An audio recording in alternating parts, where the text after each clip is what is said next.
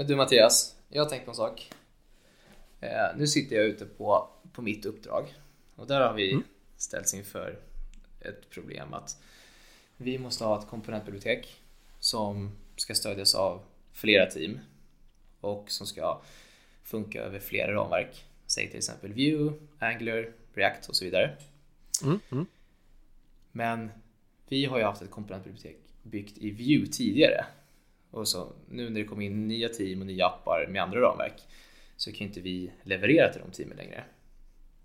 Mm. Och då har vi tänkt på det här med, med custom element-specen och speciellt med Svelte eller Stencil JS eh, att det skulle kunna vara en lösning.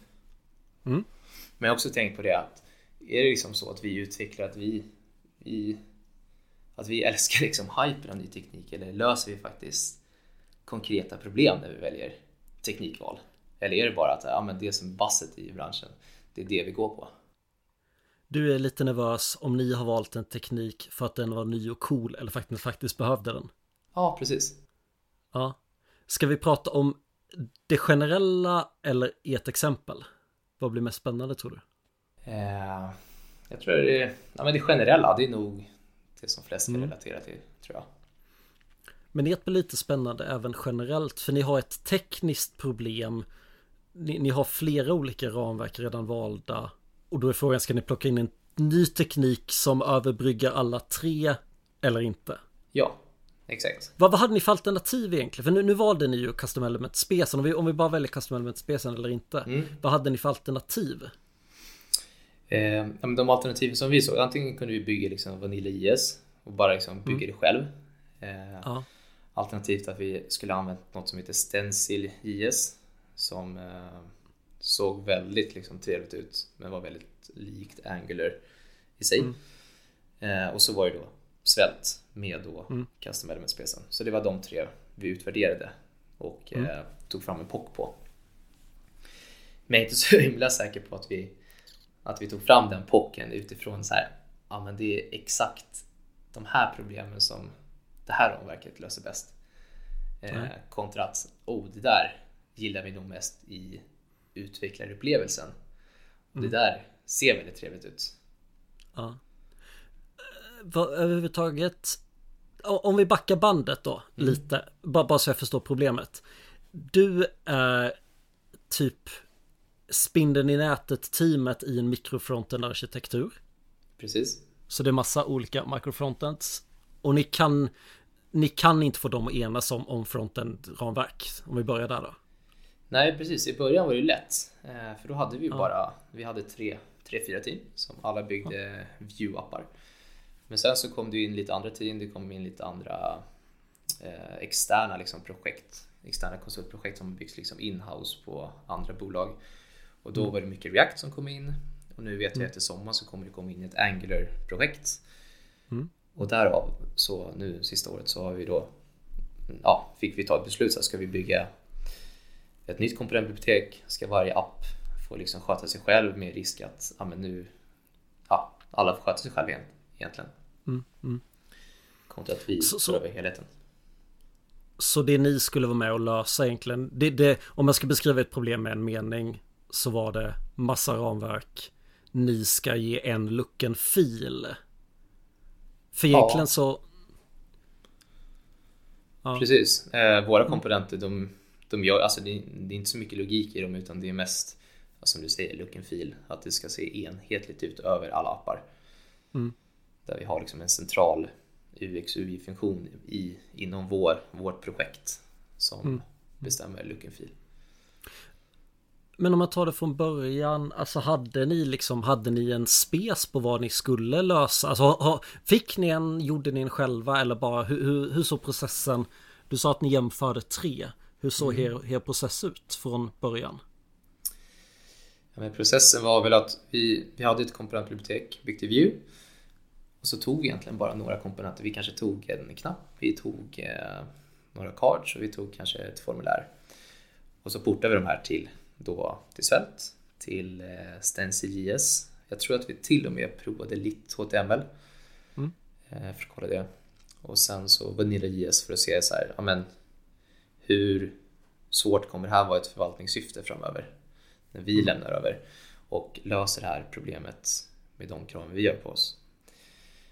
Men jag vet inte om vi kanske gjorde vi kanske inte gjorde liksom all världens research för att kolla så att ja, men kommer det här ramverket verkligen eh, fungera för oss? För om man kollar på svält med Rich Harris, han säger så här, använd inte. Tills mm. nyligen har han sagt så här, nu, nu kan det vara okej att använda det. Mm. Eh, kontra när vi hade Stencil i som är backat av, jag tror att det är grabbarna från, vad heter de, Ionic-teamet som har byggt ah, okay. det. Mm. Om jag inte minns mm. helt fel nu. Eh, och så, ja men LitHTML kunde också varit en sån här spelare som vi eh, valde. Men liksom mycket av... Och Lit är väl Polymer, så det är ju Google väl? Ja, precis, exakt. Eh, mm. Så jag tror mm. liksom mycket av de argumenten vi hade, det var ju ja, det var mycket relaterat till utvecklarupplevelsen i mm. Svält. Vi tyckte det var en väldigt fin syntax och fint att jobba med. Men hade ni liksom en process? Du, liksom så här, fick ni ett tydligt problem och hur gjorde ni? Eh, nej, men vi fick, egentligen hade vi inget problem vid, vid tidens startpunkt för vi, vi visste att det skulle komma in två projekt i React. Mm. Så vi visste att någon gång så kommer de här React-teamen behöva migreras över till vårt ja, då, nuvarande eller nya komponentbibliotek. Ja. Men jag menar, de apparna de har inte kommit in än. De har inte migrerat, eller de har kommit in men de har inte börjat sin migrering. Nej. Eh.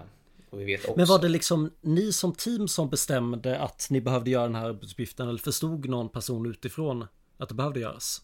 För jag tänker att skälet ja. att jag frågar Spinn här yes. Det är att jag tänker att det påverkar Din frågeställning Gjorde vi en teknik för att den var rolig eller för att den behövdes? Det är därför jag vill lite ankra mm. i hur du gjorde hur ni... Eh, det var vi utvecklare som När vi fick reda på att det kommer komma in två reaktiv ja. då, då flaggade vi för våra eh, ja, projektägare eller produktägare eller vilka vi flaggade för. Den som bestämmer vad ni ska göra. ja, ja, precis. Den med pengapåsen. Den med pengapåsen. Exakt. Då sa vi så här, om de ska in och de ska bygga på våra komponenter så kommer inte det funka. Då kommer vi behöva mm. det här. Ja. Då la vi ett, fram ett förslag på att okej, okay, vi kan lösa det med custom element specen. Mm. Utan att behöva bygga flera komponentbibliotek och eller liksom migrera bort ja, vårt, utan vi börjar på mm. ny kula. Det, ditt så. team, ni tekniska personer identifierade ett problem. Mm. Och en lösning. Mm. Och gjorde, och, och hur gick själva liksom hur gick processen till när ni hade bestämt att ni skulle köra custom element specen på något sätt? Då valde ni ut de här tre. Och jämförde ja, dem. Precis, men jag menar det var ju ren, det var ju mer en ren pock för oss själva. Vi kanske inte så, tog så mycket hänsyn till liksom prestanda och liksom allt sånt här. Eh, vi hade ju också det här udda kravet som kanske inte är relevant egentligen, men vi skulle stödja en Chrome 53-version. Det ser ju inte att någon av de här ramverken hade inte löst det bättre. Och er urvalsprocess blev liksom mer magkänsla. Ni började inte ställa upp liksom så här pro-con-tabeller på massa dimensioner och sådär. Utan det var, det var egentligen magkänslan ni gjorde det med.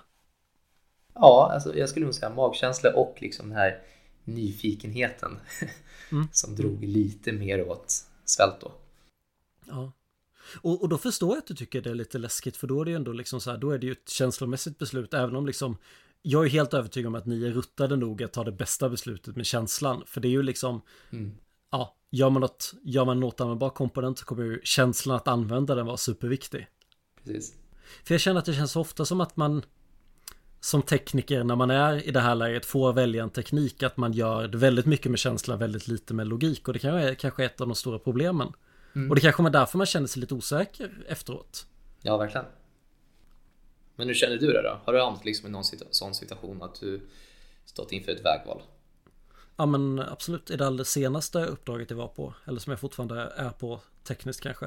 Uh, jag är föräldraledig nu. Hoha! Hoha. Fick jag in det också. Uh, då kom jag in med förutsättningarna att två team... Jag kom in för att de hade börjat skriva två fristående appar och hade insett att nej men vi vill göra microfrontend arkitektur så jag kom in för att införa microfrontends och då fanns de här två apparna redan, båda två var skrivna i Angular. Beslutet var fattat för att använda Angular 1 och sen hade de inte reviderat det beslutet. Så de satt ju kodade i Angular 7 så beslutet var ju flera år gammalt. Jaha, okej. Okay. Eh, Men hur Och jag- du din personliga touch där då? Alltså vad... Ja, men jag kommer nog till det tror jag. Eh, jag är ju inte jättebra på Angular. Det är mitt sämsta av standardramverken. Strangler?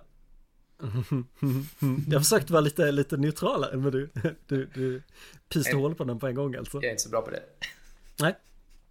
Eh, nej men jag, jag provade lite och så här så, som du säger, min magkänsla stämde inte riktigt. Eh, så jag, jag gjorde väl kanske lite tvärtom. Eh, jag försökte hitta kanske lite skäl till varför, varför Angular kanske inte skulle passa in i vår eh, så, jag gjorde lite omvänd vetenskap då. En vetenskap ska man ju sätta upp sin metod och man ska göra sina experiment och komma till sina slutsatser. Men, men jag visste ju redan, till exempel en sak så här, vi skulle ha microfrontend så mitt, jag hade också en specialare att vi ska funka med väldigt dåligt internet. Så jag kunde ganska tidigt pysa hål på Angular med hjälp av att fokusera väldigt mycket på bundle size. Just det. Eh, Så, så jag försökte ha en process faktiskt då. Alltså så här, mitt, mitt problem var, jag provade Angular och tänkte, ah, men jag får väl lära mig Angular på riktigt nu. Jag, jag satt ju mycket i ettan men inte suttit sedan tvåan och tala om. Eh, Och försökte ge den en ärlig chans och, och blev less för att jag tyckte, ja men det här hade både Reactive Vue löst bättre. Eh, så jag hittade ett case för att varför man inte skulle kunna ha Angular. Så jag hade ju, mitt case var, eh, det kommer inte gå med bundle sizen. Eh, och så satte jag upp ett exempel. Så även det var ju drivet från mitt min magkänsla att Angular kommer inte vara lika härligt för folk att koda i. Men kunde koppla det till teknik och kunde liksom plocka fram siffror på så här.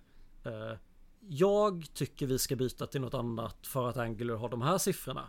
Och sen så challengeade jag de två teamen som fanns. Och sa Eh, ja, men om ni kan trycka ner er app ni, och ni kan räkna bort de här siffrorna till exempel. Ni kan räkna bort ramverket. Ni kan räkna bort själva Angulars egen, alltså vendor bundlen helt enkelt. För den kan man ju loada en gång om man laddar microfronten smart. Men kan ni få ner er app till ditten och datten antal kilobyte? Jag tror vi hade något sådär att det skulle gå på en sekund på en 1 megabits lina. Så var det sån här, kan ni få ner det till 100k er bundle? Och det kunde de ju inte. Nej. Jag hade väl kanske en nyfikenhet att använda en annan teknik. Eller i vilket fall en känsla. Men, men byggde upp med ett, ett byggde upp fakta runt det för att genomföra en förändring. Så jag känner mig helt bekväm med det valet för att eh, de andra två teamen lyckades liksom inte pysa hål på min challenge. Nu säger jag pysa hål hela tiden. Kommer, bli, kommer alla lyssnare slå sig på. Jag ifrågasatte deras teknik på, med vissa skäl. Liksom satte upp en lista av skäl varför jag tyckte man skulle byta. Jag gav dem en möjlighet att prova min teknik på samma sätt som jag hade provat deras teknik. Jag hade provat lite Angular. Jag sa åt dem, kan inte ni provskriva om den här biten i Vue bara för att se hur det blir? Eh, och fick, fick, fick lite fakta och fick några av dem med mig. Så den, den liksom konverteringen blev ganska bra eftersom att även det sociala, eftersom att de hade varit med och fattat besluten så tyckte de, de var liksom med på bollen hela tiden. Mm, mm. De allra, en majoritet tyckte det var ett bra beslut. Mm, ja, precis. Mm. Ja, du hade lite bättre process för att faktiskt ha konkreta exempel på att det här var bättre. Sen, sen så var ju den liksom, den växte fram liksom. Det var inte så att jag satt med papper och penna och skrev så här tänker jag genomföra processen. Men jag minns hur jag satt över jullovet för jag gick- kom in i uppdraget i mitten av november. Och började liksom så här, då hade jag lite power, då skapade jag för min egen skull kanske. eh, lite powerpoint slides, eller ja, jag skapade säkert i slides.com. Mm. För att jag ville, jag började få fram en process för det. Mm. Och därför har jag helt igenom känt mig väldigt bekväm med det teknikbytet. Bra. Jag tror det är viktigt, alltså allting med programmering är så himla mycket religion. Mm. Oavsett om det är tab versus spaces eller rebase versus merge eller Verkligen. less mot SAS. Vad det än är, det är väldigt mycket känslor i programmeringen. Ja. Och jag tror det beror på en, en, en ung bransch. ja, en ung bransch och en bransch som rör sig otroligt fort. Ja. Och då finns det utrymme, då, då hänger ju ingen riktigt med och när man inte riktigt hänger med med hjärnan då tar ju känslorna lite över. Mm. Så jag tror det är väldigt viktigt om man ska göra ett hårt beslut som ändå teknikval är att försöka förankra det i, i fakta. Verkligen. Och försöka se det långsiktigt och kanske, och, och till den svåraste då, inte försöka se det till sin egen korta vinning utan se det till uppdragets långa vinning. Ja, exakt. Disclaimer då är att både du och jag är konsulter, det har vi sagt innan. Eh, det är ju lite, jag tänker om man, om man är fast där, om man väljer, om man är, om man är fastanställd och väljer någon teknik, då får man lite mer leva med den själv. Ja, precis. Så det måste man verkligen ta hänsyn till om man som konsult med och väljer tekniker. Mm. Sen är det ju väldigt kul, det är ju ett väldigt trevligt problem. Man älskar ju att få vara med och välja tekniker. Ja, det, är- det är verkligen ett lyxproblem vi har. Mm. Det är det ju. Men ja, det blir ju svårt där tycker jag. Om man är en stor organisation och liksom målsättningen är ändå att man ska ha en samsyn på utveckling, speciellt utveckling som liknar varandra i en stor organisation. Att det är, man kanske väljer ett, två, tre ramverk. Och så plötsligt så spinner utvecklarna iväg och så har man 16 ramverk. Mm. Eh, nu som JavaScript-utvecklare, om man har lite koll så går det väldigt lätt att hoppa mellan sådana projekt. Men ändå, det är fortfarande, det är fortfarande en yta du ska lära dig. Och det, det blir mycket mer att, att hålla koll på. Och det, ju- just ert exempel är ju lite svårt. Eh, jag har ju försökt, du har ju inte mitt projekt skalat upp, det är fortfarande på väg uppskalning nu. Men, men jag var ju också spindeln i nätet i mikrofrontend och, och sådär. Även om jag kanske inte behövt bry mig så mycket om UX-bitarna eller jag har haft grymma teammedlemmar som har gjort det. Mm. Jag har ju försökt ha, ha inställningen att så länge att, att varje team ska ta ansvar, ansvar för sin egen grej. Mm, precis. Så när, när ett team valde att ja, men så här, vi behöver Lodash. Och, och då var jag lite så här, jag tror kanske att ni inte behöver Lodash, men, men, men kör om ni vill. Men eh, det är ju ni själva som kommer få ta ansvar för det då. Mm.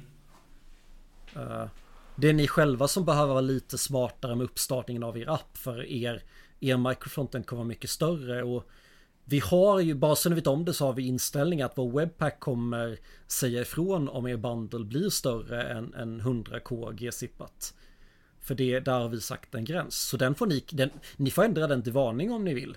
Men det är ni som ansvarar för er app och när någon kommer och klagar kommer jag ha svårt att hjälpa er. Ja, precis. Men det tycker jag också är intressant när man säger att varje team får ansvara för det själv. För då, Klarna har ju varit ett bra exempel på det där med självgående team. Mm. Liksom att varje, varje team anses som en startup och de får sköta sig helt och hållet, sägs det. Så, det vet jag inte om det är så, men så är det säkert. Eh, och då liksom, så snabbt som den här branschen rör sig så kan jag bara tänka mig hur många tekniker de har på plats. Mm.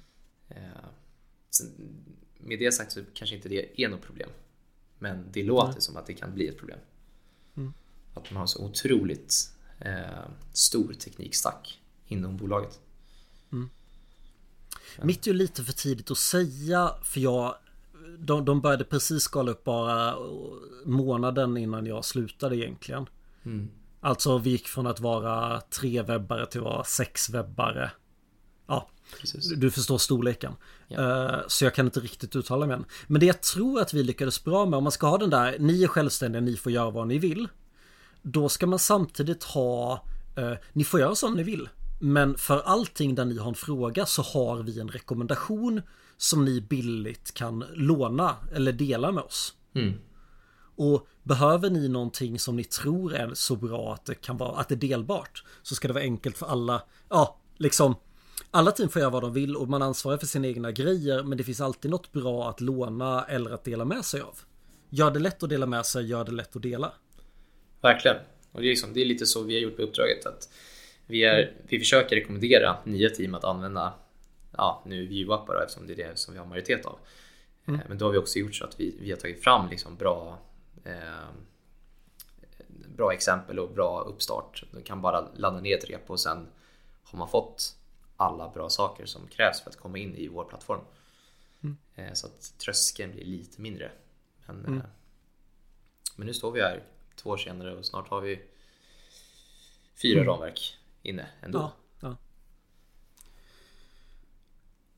Och det är... misslyckas ni... Eller är det ett misslyckande? Är det, ett det är väl ett problem kan jag tänka mig, men det är ett misslyckande? Nej, men alltså det är väl det som microfronten ska vara. Det ska ju Ja, ja. liksom, det ska ju stödja de ramverken som teamen själva sätter upp att använda. Så Mm. Det är ju mer ett, ett lyckande så. ja. ja. Eh, men det blir ju kanske ett misslyckande säg om fem år så står vi plötsligt med 10, 15, 20 ramverk. Men det vet man Mm. inte. Det är svårt att säga om framtiden. Ja. Och det som bara, ja. Mm. Och det grenat av till att vara så många för att de har plockat in konsulter som vill göra det billigt, leverera fort och mycket och snabbt och inte bry sig om de långsiktiga effekterna egentligen. Ja, verkligen. Absolut. Man kan ju säga att de, de, de teamen som inte har valt Vue i, i vår plattform, det är ju de som också har varit verkligen externa eh, inhouse-projekt på sina bolag. Mm. Ja. Men måste ni, så här, måste ni stötta dem i look and feel då? Jag är lite så här, ni kan väl dela, jag, jag, jag funderar tillbaka till ditt problem då. Man kan ju dela CSS. Mm. Men måste man dela, jag vet inte, då får väl de Tillbaka då ta ansvar. Då får väl de, de måste ju ta ansvar för att det är samma look and feel och ni kan hjälpa dem med CSS. Men där går lite gränsen vad ni kan hjälpa dem med. Ja, det är, det är absolut en alternativ väg. Nu har det varit så otroligt... Liksom, vi har en, en UX-byrå som liksom sitter centralt i vårt projekt och bestämmer. Eh, Och det är liksom beslutet att det är vårt team som bygger det här komponentbiblioteket och ska liksom vara ansvariga för look and feel. Eh, och vi har märkt att när... Vi har ju provat det att teamen får köra lite själva. Att, ja, men, ja, men bygg det själv utifrån de här skisserna. Eh, så har det blivit problematiskt att det inte blir ja, likadant i look and feel. Men jag menar, det, kan man ju, det kan man ju styra med lite kanske hårdare styrning eller lite bättre kommunikation. Mm. Eh, Allt går att lösa. Men eh, det var det beslutet som togs för oss. Att det, ja, det är vårt team som står för look and feel av komponenterna. Ja. Ja. Men jag ska också säga, det Nej, här, är, ju, det här är ju tredje eh, versionen av komponentbiblioteket. Vi började ju faktiskt som en monolit där de nuvarande komponent, eller de första komponenterna byggdes ut i bara för att få ut dem i ett första version av NPM-paket. Sen så märkte vi att de hade alldeles för mycket logik och var väldigt anpassade till apparna. Så då blev det ett, ett till eh, komponentbibliotek, alltså ett, som byggde Vue. Och nu tredje versionen då, som hoppas vi på att det blir sista, eh, är byggt i Svält. Det blir aldrig det sista. Men, Nej. men ja. Precis. Men det är jävligt, det är mysigt med, med, med custom element-spel som på det sättet. Eh, på ett tidigare uppdrag skrev man väldigt mycket, då, var, då skulle allting vara custom elements hur stort och litet det än var. Och det kanske inte riktigt var helt rätt, men jag, jag gillar den här native-ramverk nästan. Ja men att svält inte, svält är väl inte ett ramverk utan en kompilator istället så. Yes, precis. Och kompilera till native-kod. Jag, jag Ja. gillar den tanken, framförallt för, för UI-element då. Det är kanske är någonting man borde... Och, och då tillsammans då med en microfronten-arkitektur. Mm. Ja, verkligen. Bra. Så det ska bli kul nu efter, efter sommaren och se när vi får in våra React-appar. För det har också varit lite problematiskt hittills att React generellt som ramverk har haft lite svårt med custom elements. Eh, speciellt, speciellt för eventhanteringen. Så det ska bli Ja, kul. för att de inte har riktiga event, eller vad beror det på? Det kommer jag inte ihåg faktiskt. Eh, Ja. Det var ju något snack där på Dev som vi lyssnade på. Mm. Men, Jag minns inte varför. nej. Jag kommer ihåg att det inte... Att React var det sämsta av de tre stora. Mm. I alla fall. Cool. Så vad säger vi? Försöka tänka efter, använda huvudet, inte magen när man väljer ramverk. Ja, Och det är svårt för det politiskt. Precis. Eh, Men jag menar, det måste ju också vara, om man ska få säga det, det måste ju också få vara kul att leva i den hypen lite. Eh, Ja men vi har ju inte alls pratat om borde man välja ett, ett modernt ramverk. För, för, för det är ju en helt annan diskussion tycker jag. Absolut. Borde man välja, när borde man välja det nya? Hur tidig vill man vara på sitt uppdrag? Precis. Och där finns det ju faktorer, men jag menar Vågar man vara early adapter eller inte? Exakt. Det är ju alltid... en fin balansgång där. Och kan vi inte ska ta nu heller. Nej, det tycker jag inte. Men... Eh, jag funderar på en helt annan sak. Får jag... Får jag Ja, kör. klara? kör. Något som lite slog mig i natt när jag inte kunde sova för att jag gav, gav bebis mat för tredje gången. Är, fan, borde vi gjort ett monorepo Ja, i Microfront? Alltså, i, i Microfronten arkitektur. ja. Borde det nästan alltid vara monorepo? Eh, vi, vi sitter i den, eller vi har suttit i den diskussionen länge nu och jag lutar mer och mer åt monorepo. Mm. Eh, men bara för att liksom, om man bara tänker de här uh, möjligheterna med att bara köra en schysst uh, Docker Compose lösning. Bara spinna upp allting lokalt, för det har vi problem, problem med idag att vi, vi kan inte köra apparna lokalt i, i en sandboxad plattformsmiljö. Mm. Utan det måste upp i någon testmiljö först för att liksom sen laddas in. Mm. Ja. Så verkligen. Jag skulle, nu med facit i hand, så vi har byggt det måste jag tillägga. Att skulle, då skulle ett monorepo verkligen underlättat. Har, har du provat att kört ett monorepo? Jag skulle bara snacka med någon om det här. För det jag skulle vilja komma åt är ju många delar man hade kunnat Ja men, men som, som jag var inne på Vi, vi vill ju vara upp, Vi vill ju vara att varje team kan ta ansvar för sin egen grej Få göra fullständiga rättigheter i sitt projekt Men att det alltid ska vara så otroligt lätt att följa standarderna Och en sak jag skulle vilja få då det är att få in Få ner konfigurationsfilerna på en, rotnivå liksom Nu ligger de ju copy-pastade i respektive projekt för att de ska kunna vara självständiga Just det. Ja Men du har inte gjort det eller? Nej, det har jag inte gjort. Nej. Nej, får jag ta det med någon annan gång. Mm. För jag är lite, ja, nyfiken. Men eh, jag tycker slänga in det nu fall. Hur gör ni med microfronten där då du sa att det var svårt att starta igång alla micro, att få att göra det utan en fet Docker Compose? Precis. Hur laddar ni in era microfrontends? Eh, du menar i en riktig miljö eller lokalt? Nej men oavsett, för jag tror jag har, jag tror jag har löst det här problemet. Mm. Precis. Eh, lokalt så kör vi, vi kör ju aldrig liksom eh, om man ser, när vi startar igång vår plattform lokalt så laddar inte vi in lokala appar som är uppstartade lokalt utan vi laddar in då de apparna som ligger i testmiljön in i vår lokala plattform. Ja, precis. Mm. Det är så vi gör. Eh, Så det är det vi vill kunna göra. Att, ja, vi vill kunna spinna upp ett annat teams app för att kolla så här, ja, men så här kommer det se ut innan vi trycker ut i någon miljö. Ja. Eh, Men det har vi inte. Ja, Jag, ska jag kan inte säga att vi inte har lyckats med det för vi har inte ens försökt. Nej. Så, Men, men eh, ni kör singlespa. yes. Hur, och då är det ju någonstans finns ju mappning mellan URL till, till resurser. Mm. Är ju egentligen Precis. singlespa. Ja. Hur gör ni den? Alltså använder ni någon importmapp eller något sånt där? Eh, när vi har ny SystemJS så, så den hämtar faktiskt en eh, vad blir det, en SSJ-fil från backenden. Mm. Men hur räknar den ut varifrån den ska hämta den? Är det liksom bara hårdkodat på URL och så har ni någon router som löser det på något sätt? Eh, man kan säga att i första inladdningen så hämtar den assets-fil där varje det, vad heter det, nyckelvärdepar. Så, Det är en asset-fil. precis. Det är inte en asset-fil per app.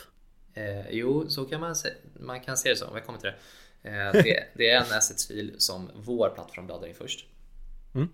Och då får den liksom så här, men starting eh, URLen på den appen. Och då hämtar den då banden och den bandens SSI som fil utifrån den URLen. Första filen innehåller länkar till alla appars asset.json. Precis. Så säg att du har app 1 och så har du en URL som app1.azurewebsite.com säger vi. Eh, och då kan vi utifrån app 1 och så kan vi bara lägga på då app1.azurewebsite.com slash då SSJSON. Mm. Och då så vet den exakt vad den ska hämta. För då den här första filen Den har inte vi, hämtar inte vi utan den byggs med i liksom rotprojektet. Och den är väldigt trivial för vi har, just nu har vi väldigt enkel routing. Just nu är, ja eh, Behöver jag förklara det? Nej jag behöver inte förklara det. Eh, så, så det är egentligen bara att varje app Samma sak som repot heter, heter dess URL. Eller ja, det måste inte vara exakt samma men principen är att det ska vara samma. Ja, Eh, Men vi har ändå det i en sån här importmapp. systemjs importmapp. Mm. Som vi liksom hårdkodar in i vår index.html. Ja, okej. Ja, jag läste det i sån- deras dokumentation, men vi har, nej, så har jag inte gjort. För fördelen med sån importmapp är att det finns ett plugin. Det pluginet är visserligen lite skräpigt men den skriver bara till local storage. Jag funderade på om jag skulle göra en egen sån plugin i vilket fall. Ja. Så du kan liksom i runtime ändra, alltså den läser från importmappen i första hand. Men den kan skriva över det med värden från local storage. Så bara för någon vecka sedan så togglade vi att default när du utvecklar lokalt är att du bara hämtar rotprojekt. Du behöver klona rotprojektet på din egen dator och hålla den up to date. Så det kommer du inte ifrån. Men de microfrontendarna du laddar hem laddas hem default från första testmiljön. Och sen behöver du gå in manuellt i den här kartan eller, eller skriva till local storage. Mm. Och, och skriva över vilka du vill hämta från lokalt. Mm. Och, och typiskt en, en normal microfronten-utvecklare ändrar ju den här filen en gång. Ja. Så jag vet till och med de som har lagt in ett litet skript i, i sitt projekt som skriver, skriver automatiskt. Ja. När de startar sin microfronten lokalt så skriver den över local storage. Okej, ja. Ja, det, det var jävligt smutt. Det var en ganska bra strategi. Att strategin är att allting är i dev-miljön, men man kan dynamiskt ändra varifrån man vill hämta dem. Ja, ja verkligen. Och en annan sak det löste, om vi, om vi är på det där. Det löste vår feature toggling också. Eller nej, förlåt, vår, vår feature branch deployment. Ja, just det. För, du kan För vi byta- antog ju Vi antog ju att alla låg liksom eh, Mikrofrontend A ligger i mappen som heter A Så liksom i I vår URL Vår liksom origin slash A slash asset.json Fanns det en asset.json Mm. Men sen kunde man ju om man deployade en till eh, Och då kunde man deploya en submap så det fanns A slash B slash Fanns det också en asset.json Då kunde man i dev-miljön också slå på det här pluginet. Alltså inte på din lokala miljö utan i dev-miljön. Och bara säga att hämta inte A från A utan hämta A från A slash B. Schysst. Och helt plötsligt så fick vi, fick vi feature branch deployment på köpet. Där då B var namnet på feature branchen. Ja. Det låter ju väldigt trevligt.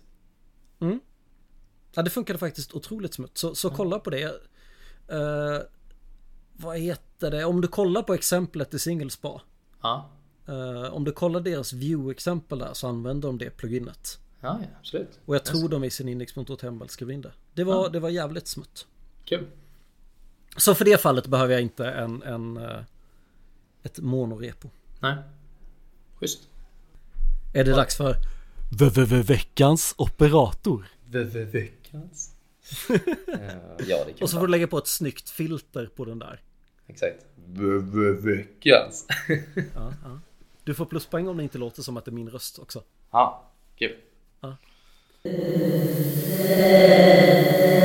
Veckans operator. Då ska jag berätta den bästa operatorn i hela JavaScript. Låt mig presentera Slice. Ja, och varför tycker du Slice är bästa? Slice är Det är världens bästa operator. Om du vill plocka ut en del av en sträng i JavaScript, hur gör du då Andreas? Om vi plockar ut en, en del av en sträng. Ja. Du har en sträng som är 10 tecken lång och du vill ha tecken 2 till 4. Ja, du skulle kunna ta en substring. Och vad är första parametern? Eh, startindex. Ja, så 2. Och vad är andra parametern? Eh, ja, vad skulle jag ta ut? Eh, tecken 2 till och med 4, så tre stycken tecken. Eh, vad blir det? Det blir två och fem eller? Och det är nu det är så himla spännande. För vet du, JavaScript har ju inte bara substring. Visst sa du substring? Ja, precis. JavaScript har ju också subster. Mm. Och jag vet inte vilken som är vilken. Så jag tänker snabbgoogla det nu.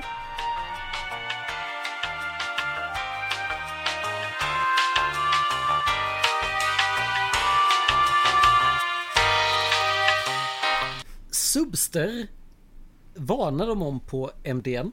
Not strictly deprecated as in removed from web standard but it considered legacy functionality. Should be avoided when possible. Det. Så subster har första parametern startindex och andra parametern längd. Medan substring har första parametern startindex, andra parametern endindex. Mm. Det kan bli väldigt confusing om man inte har koll på det. Så låt mig då presentera Slice. Slice har samma parametrar som Substring. Så den funkar på exakt samma sätt som Substring. Förutom det då helt fantastiska att man kan ge, och det kanske man kan, nu, nu, nu kanske det kommer vara min okunskap som talar då. Eh, Men man kan ge negativa indexar. Och det kanske man kan i Substring också. Men jag kommer ännu mer förklara varför Slice är fantastisk. Negativa indexar innebär en Slice minus 2 kommer ta startindex minus 2. Alltså bara ta ut de två sista tecknen i strängen. På samma sätt så kan man då göra 0, minus 2. Alltså att du börjar på 0 och går fram till de två sista tecknena. Så du får allt utom de två sista tecknena. Det här är till exempel helt fantastiskt. Har du någon gång plockat en, en minut från, en, från ett dataobjekt och ska padda det med nollor? Ja, absolut. Då kan du lägga på sträng, då- kan du använda en pad start såklart. Eh, Men eller så bara lägger du på en nolla i början, strängen 0. Slå ihop det med den strängen som antingen är 11 eller 1, så du vet inte hur många tecken det är. Och sen kan du slicea det med minus 2. Då får du garanterat de två sista tecknena och du har paddat det med nolla i början. Mm.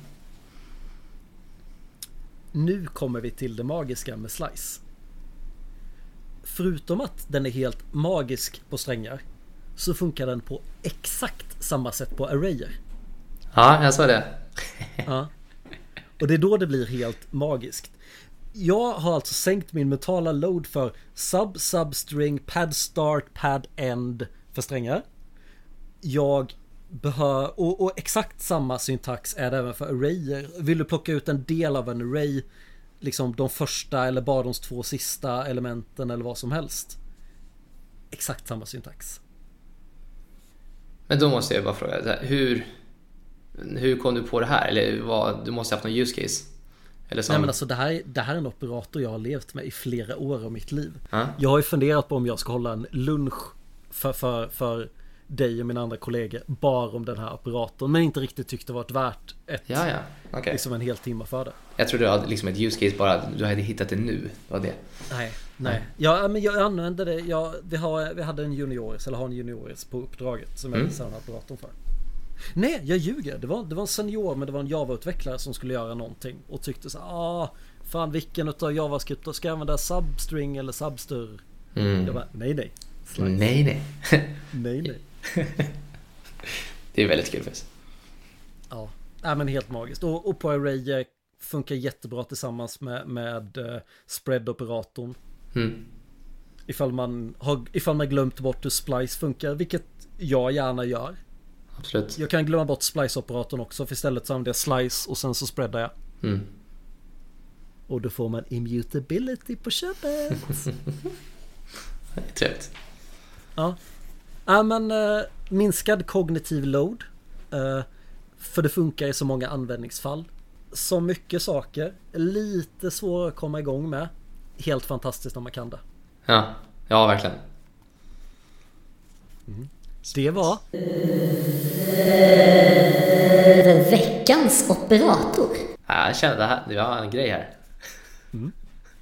Det är jättekul. Alltså jag har fler veckans operator på lager. Ja. Nej, väldigt roligt. Vänta bara tills jag ger mig på for-loopar. Ja, du gillar inte for-loopar. Skriver du for-loopar? Eh, nej, nu var det riktigt länge sedan jag skrev for-loop. Jag använder Ja. for-loopar vid ett tillfälle. Det är om jag behöver indexet och inte... Alltså antingen att jag vill avbryta tidigt på grund av indexet. Mm.